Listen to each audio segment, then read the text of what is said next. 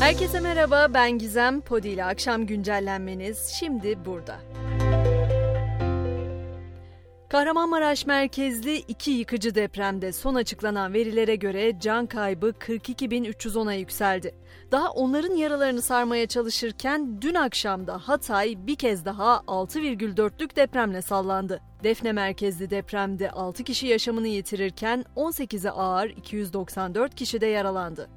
Öte yandan Hatay'da günlerdir haber beklenen bir isim olan Hatay Spor Sportif Direktörü Taner Savut'un da cansız bedenine ulaşıldı. Savut'un ölüm haberini eski milli futbolcu Gökhan Zan duyurdu. Şüphesiz enkaz altından çıkarılan refakatçisi olmayan çocuklar konusu da son derece önemli. 1838 çocuk kayıt altına alındı.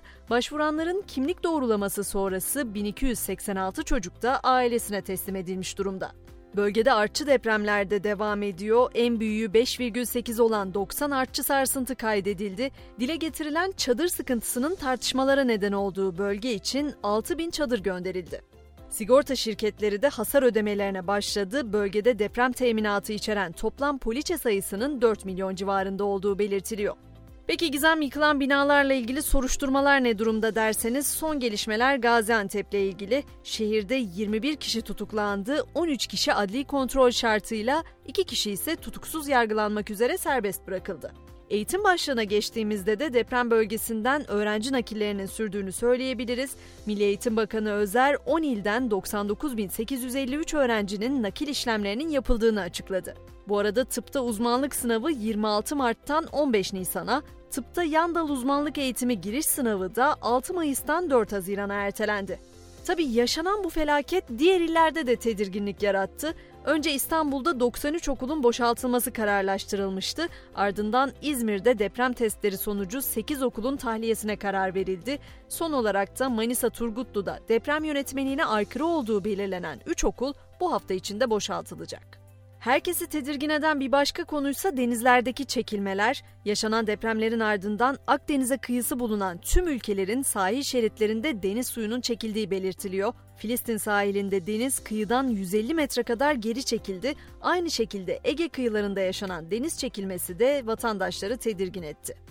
Bu konuda çok şey konuşup tartışıyoruz bugünlerde. Duygularımız karışık, yer yer tarifsiz ama akıllanıyor muyuz sorusunun cevabı şimdi anlatacağım habere göre belli ki hayır.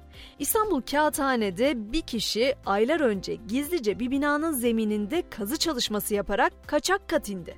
Doğru duydunuz bu kez kaçak kat çıkmaktan değil kaçak kat inmekten bahsediyorum. Bu kişinin yaklaşık 1,5 metre kazı yaptığı, moloz, hafriyat ve toprakları da kamyonetlerle taşıdığı ortaya çıktı. Yine deprem başlığında spor dünyasından da aktarmak istediklerim var. Trabzonspor'da Basel maçı gelirleri belli oldu. Bilet satışından 6 milyon 197 bin lira gelir elde eden Bordo Mavili kulüp tüm parayı AFA'da bağışladı. Kadınlar Basketbol Süper Ligi 2022-2023 sezonuna ise ülkemizi derinden etkileyen depremlerde hayatını kaybeden milli basketbolcu Nilay Aydoğan'ın ismi verildi. Ligde kalan haftalar 2022-2023 Nilay Aydoğan sezonu olarak oynatılacak. Hatay Büyükşehir Belediyespor'da İNG Kadınlar Basketbol Süper Ligi'nden çekildiğini açıkladı. Deprem gündemini böyle özetlemiş olalım ve bugün dünyanın odaklandığı açıklamalara da hemen bakalım. Rusya lideri Putin, Ukrayna'daki savaşın yıl dönümü öncesi federal meclise hitap etti. Savaşı Batı'nın başlattığını söyleyen Putin, biz savaşı durdurmak için güç kullanıyoruz dedi. Putin ayrıca Rusya'nın START olarak bilinen stratejik saldırı silahları anlaşmasına katılımını askıya aldıklarını da söyledi. Bu açıklamaya NATO'dansa yanıt gecikmedi. Rusya'nın anlaşmaya katılımını askıya almasını silah kontrol mimarisinin çökmesi olarak değerlendiren NATO, Rusya'ya kararını gözden geçirmesi çağrısında bulundu. Savaşın diğer cephesi Ukrayna'da ise diplomasi trafiği devam ediyor. ABD Başkanı Biden'ın ardından İtalya Başbakanı Meloni de bugün Ukrayna lideri Zelenski ile görüşmek üzere Kiev'e gitti. Bizim çok alışık olmadığımız bir haberse İspanya'dan ülkede yanlış tren alımları devletin üst kademesinde istifalara yol açtı. Ulaştırma Bakanlığı Devlet Sekreteri ile Devlet Demiryolları İşletmesi Başkanı istifa etti. Dünyanın hemen hemen her yeri başka sıkıntılar içinde bu aralar. Bizim gündemimiz deprem elbette ama Brezilya ve Yeni Zelanda sel ve heyelanlarla boğuşuyor. İtalya ise haftalardır süren kuru kış havası nedeniyle kuraklıkla karşı karşıya kalmış durumda. O kadar ki suların çekildiği Venedik'teki kanallarda gondollar karaya oturdu. Son olarak da uzayda mahsur kalan Ruslardan söz etmek istiyorum. Soyuz aracındaki sızıntı nedeniyle Uluslararası Uzay İstasyonu'nda mahsur kalan 3 mürettebatın dünyaya dönüşü ertelendi. Mürettebat Mart yerine Eylül ayında geri dönebilecek. Dilerim onlar dönene kadar dünyada da bir şeyler yoluna girmiş olur. Hemen gecenin maçlarına da yer vereyim. Şampiyonlar Ligi son 16 turunda bu akşam Liverpool sahasında Real Madrid'i ağırlayacak.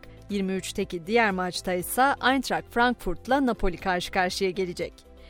Ve güncelleni noktalarken bugün şair Ataol Behramoğlu'ndan gelen paylaşımdaki sözlere yer vermek istiyorum. Deprem Allah'ın imtihanıysa Japonlar kesin soruları çalıyorlar. Yarın sabah 7'de tekrar görüşünceye dek şimdilik hoşçakalın.